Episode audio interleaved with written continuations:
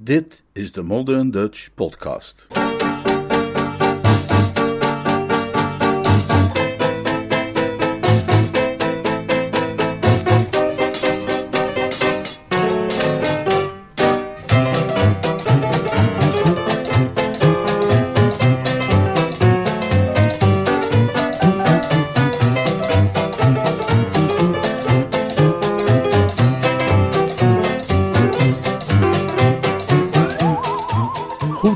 Jeeves.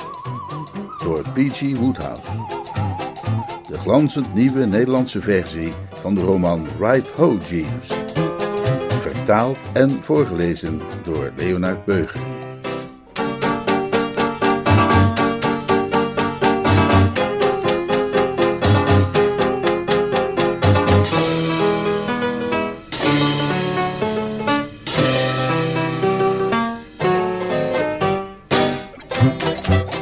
Hoofdstuk 18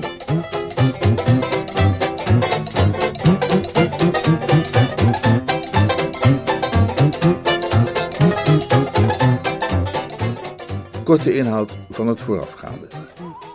We zijn op Brinkley Court, Tante Dalia's buitenhuis. De verlegen Gussie Fink-Nottel durft Madeleine Bassett niet ten huwelijk te vragen. Bertie's nichtje Angela verbreekt haar verloving met Tuppy Glossop en tante Dalia durft oom Tom niet alweer geld te vragen voor haar tijdschrift Milady's Boudoir. Bertie geeft hen alle drie de raad gebrek aan eetlust te fingeren om het medegevoel te wekken van hun respectieve geliefden. Omdat nu haast niemand iets eet bij het diner, neemt de lichtgeraakte Franse kok Anatole ontslag. Bertie doet een goed woordje voor Gussie bij Madeline, maar zij denkt dat hij haar zelf ten huwelijk wil vragen. Ze wijst hem gelukkig af en bekent verliefd te zijn op Gussie. Bertie wil nu heimelijk Gussie's sinaasappelsap versterken met gin, ten einde hem de moed te geven Madeline ten huwelijk te vragen. Bertie maakt Tuppy zwart tegenover Angela, opdat zij spontaan voor hem zal opkomen en zich zo haar liefde zal realiseren. Zijn tactiek heeft geen succes. Tuppy heeft alles gehoord en probeert vervolgens Bertie in elkaar te slaan.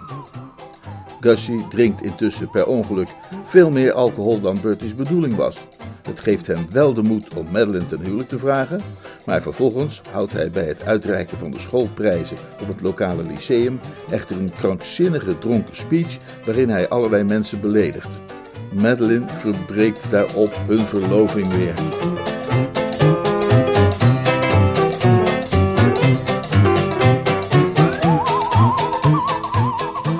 Ik keek hem scherp aan. Het beviel me niet hoe hij eruit zag. Let wel, ik zeg niet dat zijn voorkomen mij eerder wel beviel, want moeder natuur heeft toen ze die voortreffelijke kerel schiep hem aanzienlijk meer onderkaak meegegeven dan strikt noodzakelijk en zijn ogen wat te scherp en priemend gemaakt voor iemand die nog een landveroveraar, nog een politieman is. Op het onderhavige moment echter leek het uiterlijk van onze vriend Glossop niet alleen esthetisch onbevredigend, maar vertoonde het bovendien een nadrukkelijk dreigend aspect, waardoor ik het begon te betreuren dat Jeeves altijd zo verduveld tactvol is. Ik bedoel, het is natuurlijk prima om als een aal in de modder te verdwijnen wanneer je werkgever bezoek krijgt, maar er zijn ook momenten, en dit zou er wel eens één van kunnen worden, vreesde ik, waarop het wel zo handig is om in de buurt te blijven en je gereed te houden eventueel een handje toe te steken in het geval er klappen mochten gaan vallen. Maar Jeeves was niet langer onder ons. Ik had hem niet zien vertrekken en ik had hem niet horen vertrekken, maar hij was weg. Voor zover als het oog kon zien was er niets te onderscheiden dan Tuppy. En in Tuppy's houding was, zoals ik zeg, een zekere neiging te bespeuren tot agitatie. Hij zag er voor mij veel te veel uit alsof hij die kwestie wilde heropenen over mij en het wrijven van Angela's enkels. Zijn eerste woorden maakten mij echter duidelijk dat ik mij voor niets bang had gemaakt. Die waren namelijk van vredelievende aard en betekenden een enorme opluchting. Bertie, zei hij, ik moet je mijn excuses maken. Bij deze. Mijn opluchting bij het horen van die woorden, waarin geen enkele verwijzing naar wat voor enkels dan ook, was, zoals ik al zei, groot. Het enige wat misschien nog wat groter was, was mijn verbazing. Er waren maanden voorbij gegaan sinds die pijnlijke episode in de Drones Club en tot nog toe had hij geen enkel teken gegeven van vroeging of spijt. Sterker nog, Bevriende informanten hebben mij verteld dat hij het hele verhaal regelmatig tijdens diners en andere bijeenkomsten te berde brengt en daar dan zelf enorm bij moet lachen. Ik vond het daarom moeilijk te begrijpen waarom hij dan nu, na zoveel tijd, alsnog met verontschuldigingen kwam. Misschien had zijn betere ik hem daartoe aangespoord, maar waarom? Maar goed, zo was het nu eenmaal, kennelijk. Beste kerel, zei ik, een en al hoffelijkheid, daar zullen we maar niet meer over beginnen. Hoezo, daar zullen we maar niet meer over beginnen? Ik ben er net over begonnen. Ik bedoel, laten we daar dan nu maar verder over zwijgen. Hè? Zet het eenvoudig uit je hoofd. We doen allemaal wel eens van die dingen waar we later spijt van krijgen. Bovendien was je waarschijnlijk een beetje aangeschoten op dat moment. Waar denk je eens hemelsnaam dat wij het over hebben? Zijn toon beviel me niet. Bot. Grof. Ja, verbeter me als ik het mis heb, zei ik een tikje stijfjes. Maar ik verkeerde in de veronderstelling dat jij je excuus kwam aanbieden voor je onbehoorlijke gedrag in de Drones Club een poosje terug, toen jij die laatste ring terughaakte, waardoor ik in volledig avondkostuum in het zwembad terecht kwam. Idioot, daar heb ik het helemaal niet over. Waarover dan? Over dat Bassett-gedoe. Welk Bassett-gedoe? Bertie, zei Tuppy, toen jij mij gisteravond vertelde dat je verliefd was op Madeline Bassett, deed ik wel alsof ik jou geloofde, maar dat was niet zo. Leek me volstrekt ongeloofwaardig. Maar ik heb sindsdien navraag gedaan en jouw verklaring lijkt overeen te komen met de feiten. En ik kom me nu dus verontschuldigen dat ik je niet heb geloofd. Navraag gedaan? Ik heb haar gevraagd of jij haar inderdaad een huwelijk hebt gevraagd en dat heeft zij bevestigd. Tuppy, dat heb je toch niet werkelijk gedaan? Jawel. Heb jij dan geen fatsoen? Bezit jij dan geen enkel gevoel voor tact? Nee. Oh nee? Tja, dat kan natuurlijk, maar dat zou je eigenlijk wel moeten hebben. Hoepel op met je tact. Ik wilde gewoon zeker weten of jij het was of niet die Angela van me heeft gestolen. En nu weet ik in elk geval dat jij het niet was. Zolang hij dat nu maar wist, kon het mij niet zoveel schelen dat hij geen tact bezat. Ah, zei ik. Nou, dat is dan mooi. Houd daar vooral aan vast. Ik heb ontdekt wie het wel was. Wat? Hij bleef een ogenblik staan broeden. Zijn ogen smeulden met een doffe gloed. Zijn kaak puilde uit zoals Jeeves' achterhoofd. Bertie, zei hij, weet je nog wat ik beloofd heb te doen met de schoft die Angela voor mij heeft afgepikt? Mm, voor zover ik me herinner, zou je hem binnenste buiten keren en hem zichzelf laten inslikken, precies. En die belofte staat nog steeds. Ja, maar Tuppy, als beproefd en integer getuige blijf ik toch volhouden dat niemand Angela van jou heeft weggekaapt tijdens ons reisje naar Cannes. Nee, maar wel daarna. Wat? Zeg toch niet de hele tijd wat? Je hebt me wel verstaan. Maar zolang ze terug is, heeft ze niemand ontmoet. Oh nee. En die salamandergek dan? Gussie? Precies, die valse adder van een vinknottel.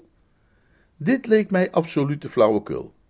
Maar Gussie is verliefd op La Bassett.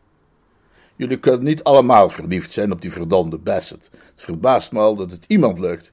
Hij is verliefd op Angela, dat zeg ik je, en zij op hem. Maar Angela heeft jou de bons gegeven voordat Gussie zelfs maar hier was. Niet waar? Paar uur daarna. Hij kan toch niet binnen een paar uur op haar verliefd geworden zijn? Waarom niet? Ik ben zelf verliefd op haar geworden binnen een paar minuten. Ik was stapel op haar zodra ik haar voor het eerst zag. Dat kleine doeder met haar koologen.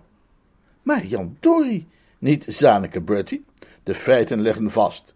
Zij is verliefd op die salamanderslijmende kleefpleister. Volkomen absurd, beste vent.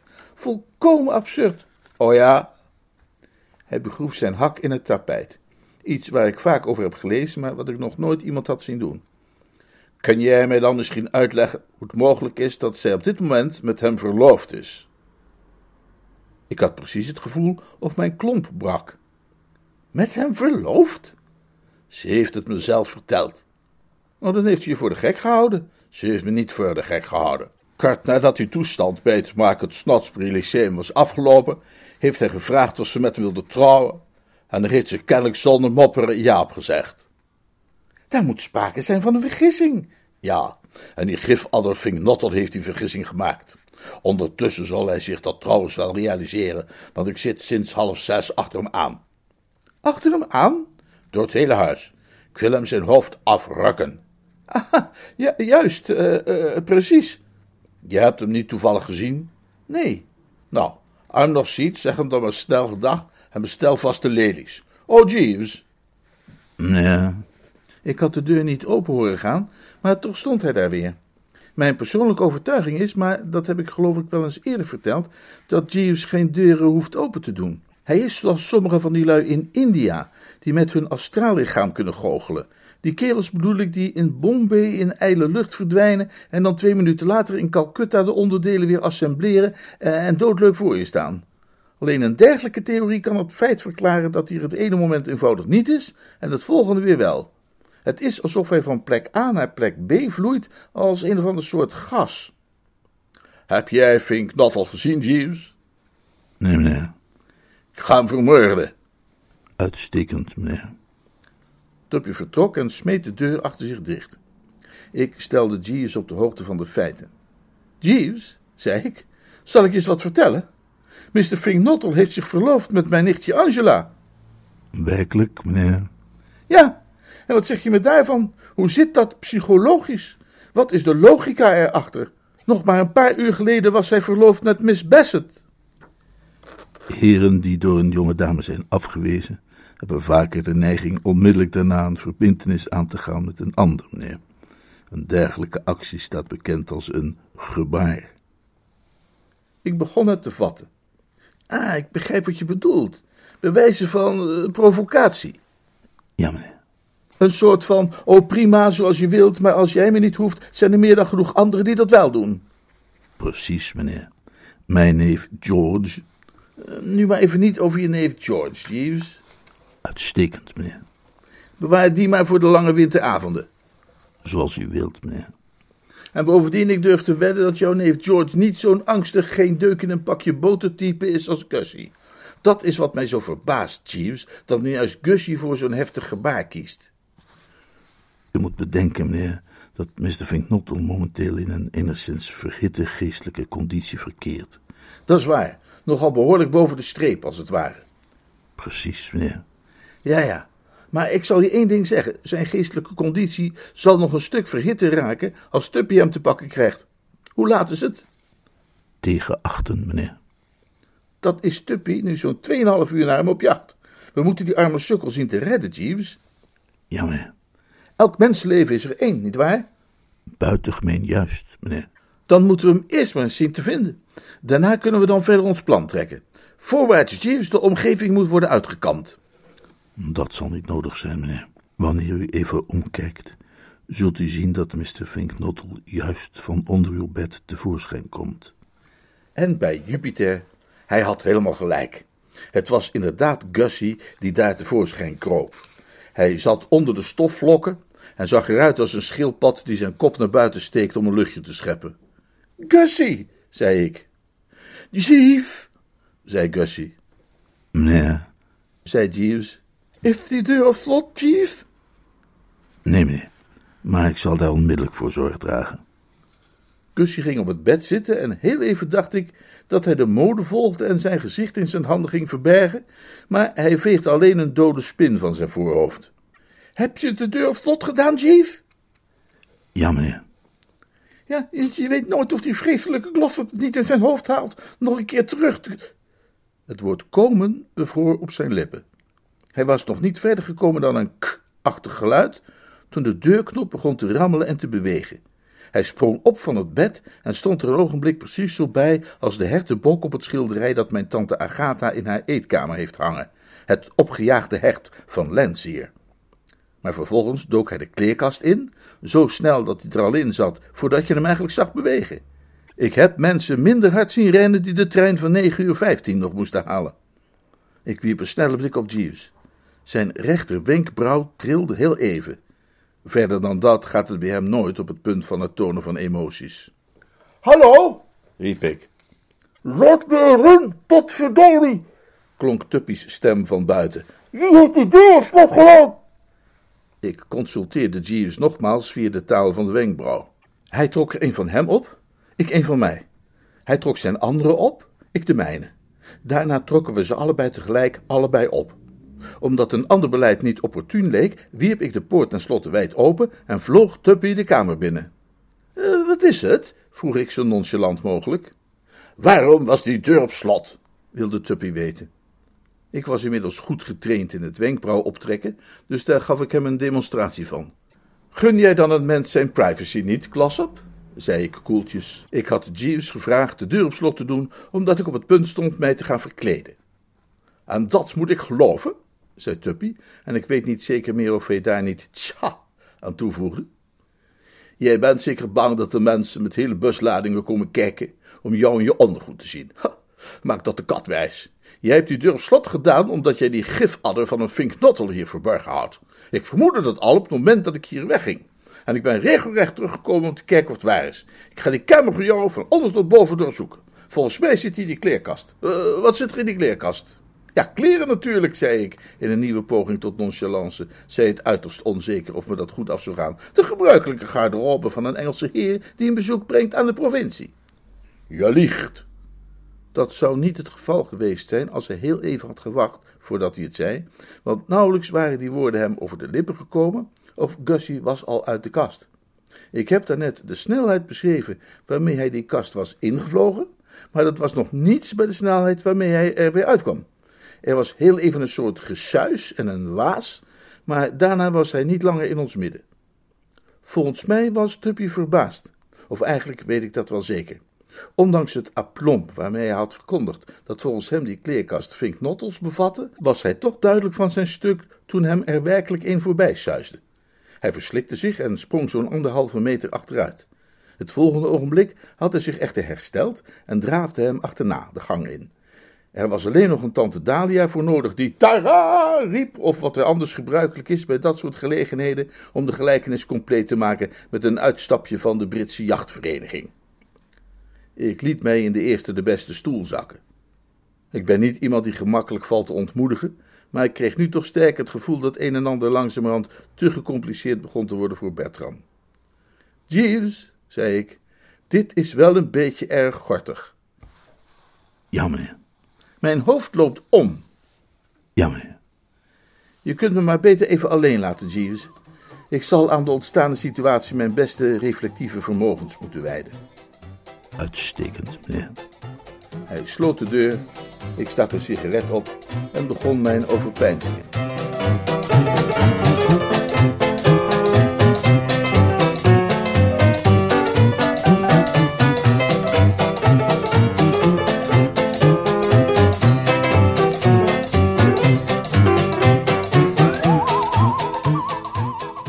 Hoofdstuk 19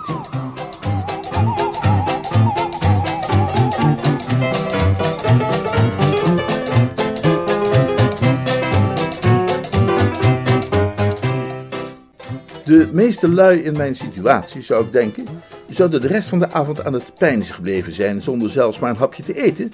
Maar wij woesters bezitten een huiveringwekkend vermogen om tot de kern van de dingen door te dringen.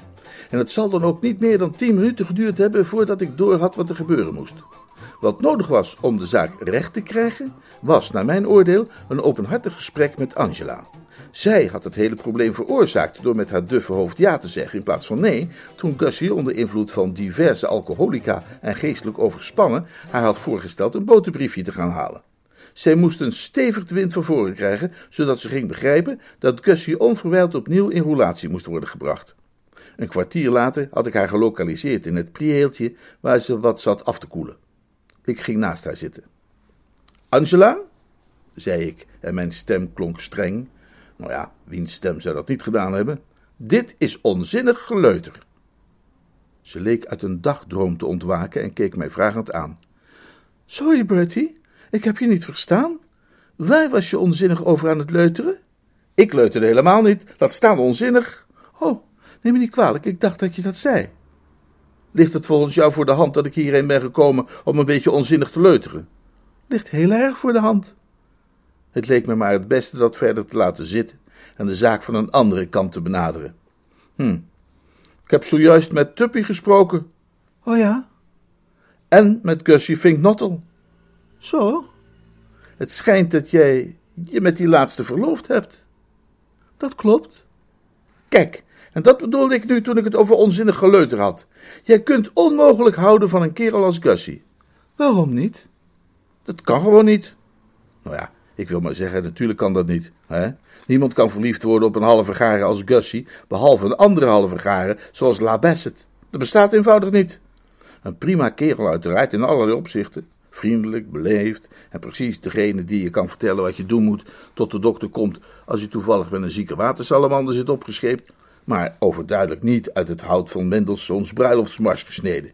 Ik weet zeker dat je urenlang kanonnen kunt afschieten in Engelands meest dichtbevolkte gebieden, zonder ook maar één meisje te raken dat in staat is om anders dan onder volledige narcose Mrs. Augustus Fink Nottel te worden. Ik legde haar die stelling voor en zij zag zich gedwongen die te onderschrijven. Nou ja, zei ze, misschien doe ik het ook wel niet.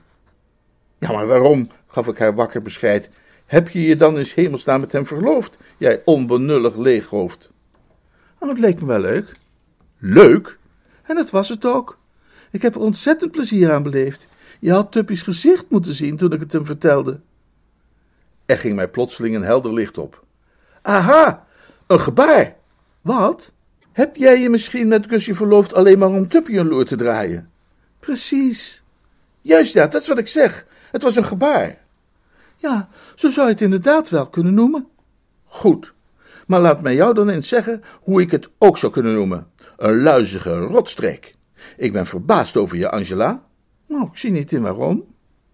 Ik krulde mijn lip anderhalve centimeter naar buiten. Nee, als vrouw begrijp je dat natuurlijk niet. Zo zijn jullie van dat zogenaamd zwakke geslacht. Jullie halen de ergste dingen uit zonder de geringste vroeging. En je bent er nog trots op ook. Kijk maar eens naar zo'n Jaël, de vrouw van Heber. Hoe heb jij nu ooit gehoord van Jaël, de vrouw van Heber? Nou, ik weet niet of je het beseft, maar ik heb ooit de prijs voor Bijbelkennis gewonnen op mijn school. Oh ja, Augustus noemde dat al in zijn toespraakje. Ja, ja, zei ik, een tikje haastig. Ik wilde liever niet herinnerd worden aan dat toespraakje van Gussie. Maar zoals ik al zei, kijk maar naar Jaël, de vrouw van Heber. Die sloeg haar gast tentnagels door zijn kokosnoot terwijl hij lag te slapen en ging vervolgens door het huis lopen paraderen als een padvinster die een nieuw insigne heeft behaald. Geen wonder dat de mensen zeggen: O vrouw, o vrouw. Welke mensen? De mensen die dat zeggen. O, o, o, wat een geslacht. Maar jij bent toch niet van plan dat ook echt door te zetten? Wat door te zetten? Die onzin van een verloving met Gussie.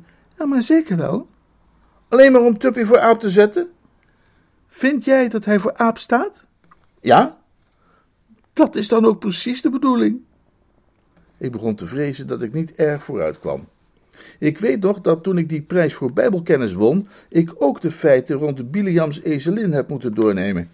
Ik weet niet meer precies wat die feiten waren, maar ik heb er een soort algemene indruk aan overgehouden van iets dat zijn poten schrap zette en zijn oren overeind en absoluut weigerde mee te werken. Het leek erop dat dit nu precies was wat Angela deed. Zij en Biliams ezelin waren, om zo te zeggen, zusters in de geest. Er is een woord voor, iets met een R, re nog wat, iets rekal, rekal en, en nog iets. Nou ja, kan er niet opkomen, maar dat is in elk geval wat Angela nu was, wil ik maar zeggen. Onnozel stuk eigenwijs, zei ik. Ze verschoot van kleur. Ik ben geen onnozel stuk eigenwijs. Je bent wel een onnozel stuk eigenwijs, en dat weet je zelf maar al te goed. Dat weet ik helemaal niet. Kijk dan naar jezelf. Je verwoest Tuppy's leven, je verwoest Gussie's leven, en dat allemaal alleen maar om goedkoop te kunnen scoren. Nou, daar heb jij niks mee te maken. Maar daar zet ik bovenop. Zo, heb ik daar niks mee te maken. Als ik zie hoe er twee levens worden verwoest waar ik mee op school heb gezeten. Bovendien ben jij gegarandeerd nog altijd smoor op Tuppy. Helemaal niet. Oh nee? Als ik een dubbeltje zou krijgen voor elke keer dat ik jou naar hem heb zien staren met het liefdeslicht in je ogen. Nu staarde ze mij aan, maar zonder liefdeslicht in haar ogen. Oh, Bertie, is hemelsnaam, hoepel toch op, ga een eind fietsen. Ik rechtte de schouders. Dat, antwoordde ik op waardige toon, is precies wat ik zal doen. Hoepelen, fietsen, althans het hierbij laten. Ik heb gezegd wat ik te zeggen had. Mooi. Maar laat mij daaraan toevoegen. Nee, Prima, zei ik ijzig. In dat geval, toedeloe. En ik zei het op een toon die bedoeld was om te kwetsen. Mistroostig en moedeloos waren twee van de meest voor de hand liggende bijvoeglijke naamwoorden die je had kunnen gebruiken om te beschrijven hoe ik mij voelde bij het verlaten van dat prieertje. Het zou vruchteloos zijn om te ontkennen dat ik een beter resultaat verwacht had van dit gesprekje. Ik was verbaasd over Angela. Het is vreemd hoe weinig een mens zich realiseert dat uiteindelijk ieder meisje in de kern een kwaadaardig product is, totdat er iets misgaat op het gebied van de liefde. Dit nichtje van mij en ik waren altijd ongedwongen met elkaar omgegaan sinds de tijd dat ik nog een matrozenpakje droeg en zij al haar voortanden miste, en toch begon ik pas nu haar verborgen diepten te leren kennen. Zij had mij altijd getroffen als een vrolijk, vriendelijk en ongecompliceerd soort teutenbel, het soort waarvan je min of meer zeker wist dat het geen vlieg zou kwaad doen. Maar nu had ik haar opeens harteloos horen lachen. Althans, ik meende toch duidelijk haar harteloos te horen lachen. Als een koud en gevoelloos element uit zo'n moderne filmhuisfilm. Dat zich in stevig in de handen spuugde om ijverig haar planten uitvoer te gaan brengen. Te grijs en de dagen zat naar het graf te voeren. Ik heb het eerder gezegd en ik zal het nog wel eens herhalen ook. Meisjes zijn raar. Vadertje Kipling heeft nooit een waarder woord gesproken dan toen hij dat geintje maakte over de vrouwen van onze soort die dodelijker zijn dan de man. Het leek me dat mij onder de omstandigheden maar één ding te doen stond, namelijk mij naar de eetkamer te begeven en eens flink los te gaan op het koude buffet waar Jeeves het over had gehad. Ik had dringend behoefte aan versterking van de inwendige mens, want na de recente conversatie voelde ik mij nogal flauwtjes. Het valt niet tegen te spreken dat al dat openlijk emotionele gedoe een aanslag doet op iemands levenskracht en hem bijzonder in de stemming brengt voor een stevige portie van de rosbief, zowel als de ham. Ik richtte mijn schreden dus naar de eetkamer, maar nauwelijks was ik over de drempel gestapt of mijn oog viel op tante Dalia, die bezig was rond te spitten in de saumon froid en mayonaise. Die aanblik ontlokte mij een kort oh, ah, want ik voelde mij wat beschroomd. Tijdens het vorige tête-à-tête met mijn bloedverwante, zult u zich herinneren, had zij haar plannen uiteengezet rond mijn verdrinking in de vijver bij de moestuin, en ik was er niet helemaal zeker van hoe ik er thans bij haar op stond. Ik trof haar gelukkig in een opgeruimde stemming. Niets kon de hartelijkheid overtreffen waarmee ze met haar vork zwaaide. Hallo Bertie, brave sukkel, groette ze mij kameraadschappelijk. Ik dacht wel dat ik jou in de buurt van de voedertafel zou vinden. Probeer deze zalm eens, excellent. Van Anatole, informeerde ik. Nee, die ligt nog in bed. Maar de keukenmeid heeft een geïnspireerd moment gehad. Ze schijnt plotseling te hebben begrepen dat ze geen voer bereidt voor een stel hongerige buizerds in de Sahara en heeft iets geproduceerd dat zo erg geschikt is voor menselijke consumptie. Ze blijkt dus toch wel over zekere kwaliteiten te beschikken en ik hoop dat ze het naar zin heeft op het bal. Ik lepelde een portie zalm op mijn bordje en wij begonnen een geanimeerd gesprekje, voornamelijk over dat personeelsbal bij de Stretchley Buds, en meer in het bijzonder herinner ik mij rond de vraag hoe Seppings, de butler, er wel uit zou zien bij het dansen van de Roomba. Het was pas nadat die eerste portie zalm was verdwenen en ik de aanval opende op een tweede, dat het onderwerp Gussie ter sprake kwam. Gezien de gebeurtenissen van die middag te Market Snodsbury had ik verwacht dat zij dat onderwerp eerder aan zou snijden. Toen zij dat alsnog deed, begreep ik al snel dat zij nog niet op de hoogte was van Angela's verloving. Zeg eens, Bertie, zei ze, peinzend genietend van een vruchtensalade. Die Spink Bottle. Nottel. Bottle, hield mijn tante vastberaden vol. Na die vertoning van vanmiddag is Bottle en niets anders dan Bottle de naam waarmee ik hem voortaan voor mezelf heb geregistreerd. Maar wat ik eigenlijk wilde zeggen, is dat je als je hem ziet vooral niet vergeten moet te zeggen dat hij een oude vrouw bijzonder gelukkig heeft gemaakt. Behalve die keer dat de dominee over een losse schoenveten struikelde en langs de hele trap van de preekstoel naar beneden kukelde, heb ik volgens mij nooit een schitterender moment beleefd dan toen onze bovenste beste bottel plotseling vanaf het podium mijn Tom de mantel begon uit te vegen. Ik vond trouwens zijn hele voorstelling van grote klasse. Hier moest ik toch even tegen protesteren. Maar zijn opmerkingen over mijn persoon, die vond ik op één na het leukst. Erg grappig. Is het waar dat jij gespiekt hebt toen je die prijs voor Bijbelkennis won? Absoluut niet. Mijn overwinning was het resultaat van zware en onafgebroken inspanningen. En hoe zit het met het pessimisme waar hij het over had? Ben jij een pessimist, Bertie? Ik zou hebben kunnen antwoorden dat de dingen die in dit huis gebeurden mij er gegarandeerd snel tot één zouden maken, maar ik zei: nee, dat was ik niet. Goed zo. Zorg dat je nooit een pessimist wordt. Alles is opperbest in deze beste van alle mogelijke werelden. Er is licht aan het eind van de tunnel. Achter de wolken schijnt altijd de zon. En met geduld en een krukkenziel drijf je de zee over. Na regen komt zonneschijn. Alles zal recht komen. Eh, neem ook wat van deze lekkere salade.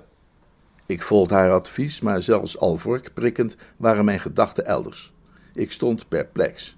Misschien kwam het doordat ik de laatste tijd met zoveel gebroken harten en droeven van geest was omgegaan, dat haar opgewektheid mij zo bizar voorkwam, maar bizar vond ik die zonder meer.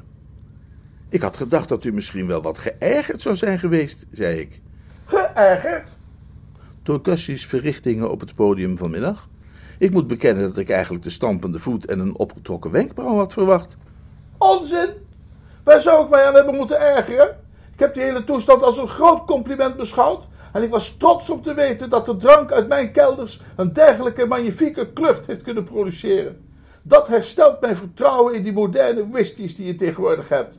Bovendien, vanavond zou ik mij sowieso nergens aan kunnen ergeren. Ik voel me als een kleuter die in het zonnetje danst en in zijn handjes klapt. Want hoewel ik er een aardig tijdje op heb moeten wachten, Bertie, is uiteindelijk toch de zon door de wolken gebroken. Luid de vreugdeklokken. Anatole heeft zijn ontslag ingetrokken. Wat? Ah, laat me u daar dan hartelijk mee feliciteren. Dankjewel. Ja, ik heb vanmiddag toen ik terugkwam op hem ingepraat als een brugman, eh, een autoverkoper, een zendeling. En eindelijk heeft hij, zwerend dat hij nooit toe zou geven, toegegeven. Hij blijft. En zoals ik het nu zie, blikt God vanuit zijn gouden hemel tevreden op ons neer en is de hele wereld. Ze onderbrak zichzelf. De deur was opengegaan en ons gezelschap was uitgebreid met een butler. Hallo Seppings, zei tante Dalia. Ik dacht dat je al weg was. Nog niet, mevrouw. Nou, ik hoop dat je een plezierige avond zult hebben. Dank u, mevrouw. Was er iets dat je tegen me wilde zeggen? Ja, mevrouw. Wat betreft monsieur Anatole, is het met uw instemming, mevrouw, dat Mr. Fink Nottle vreemde gezichten trekt tegen monsieur Anatole door het dakraam van diens slaapkamer?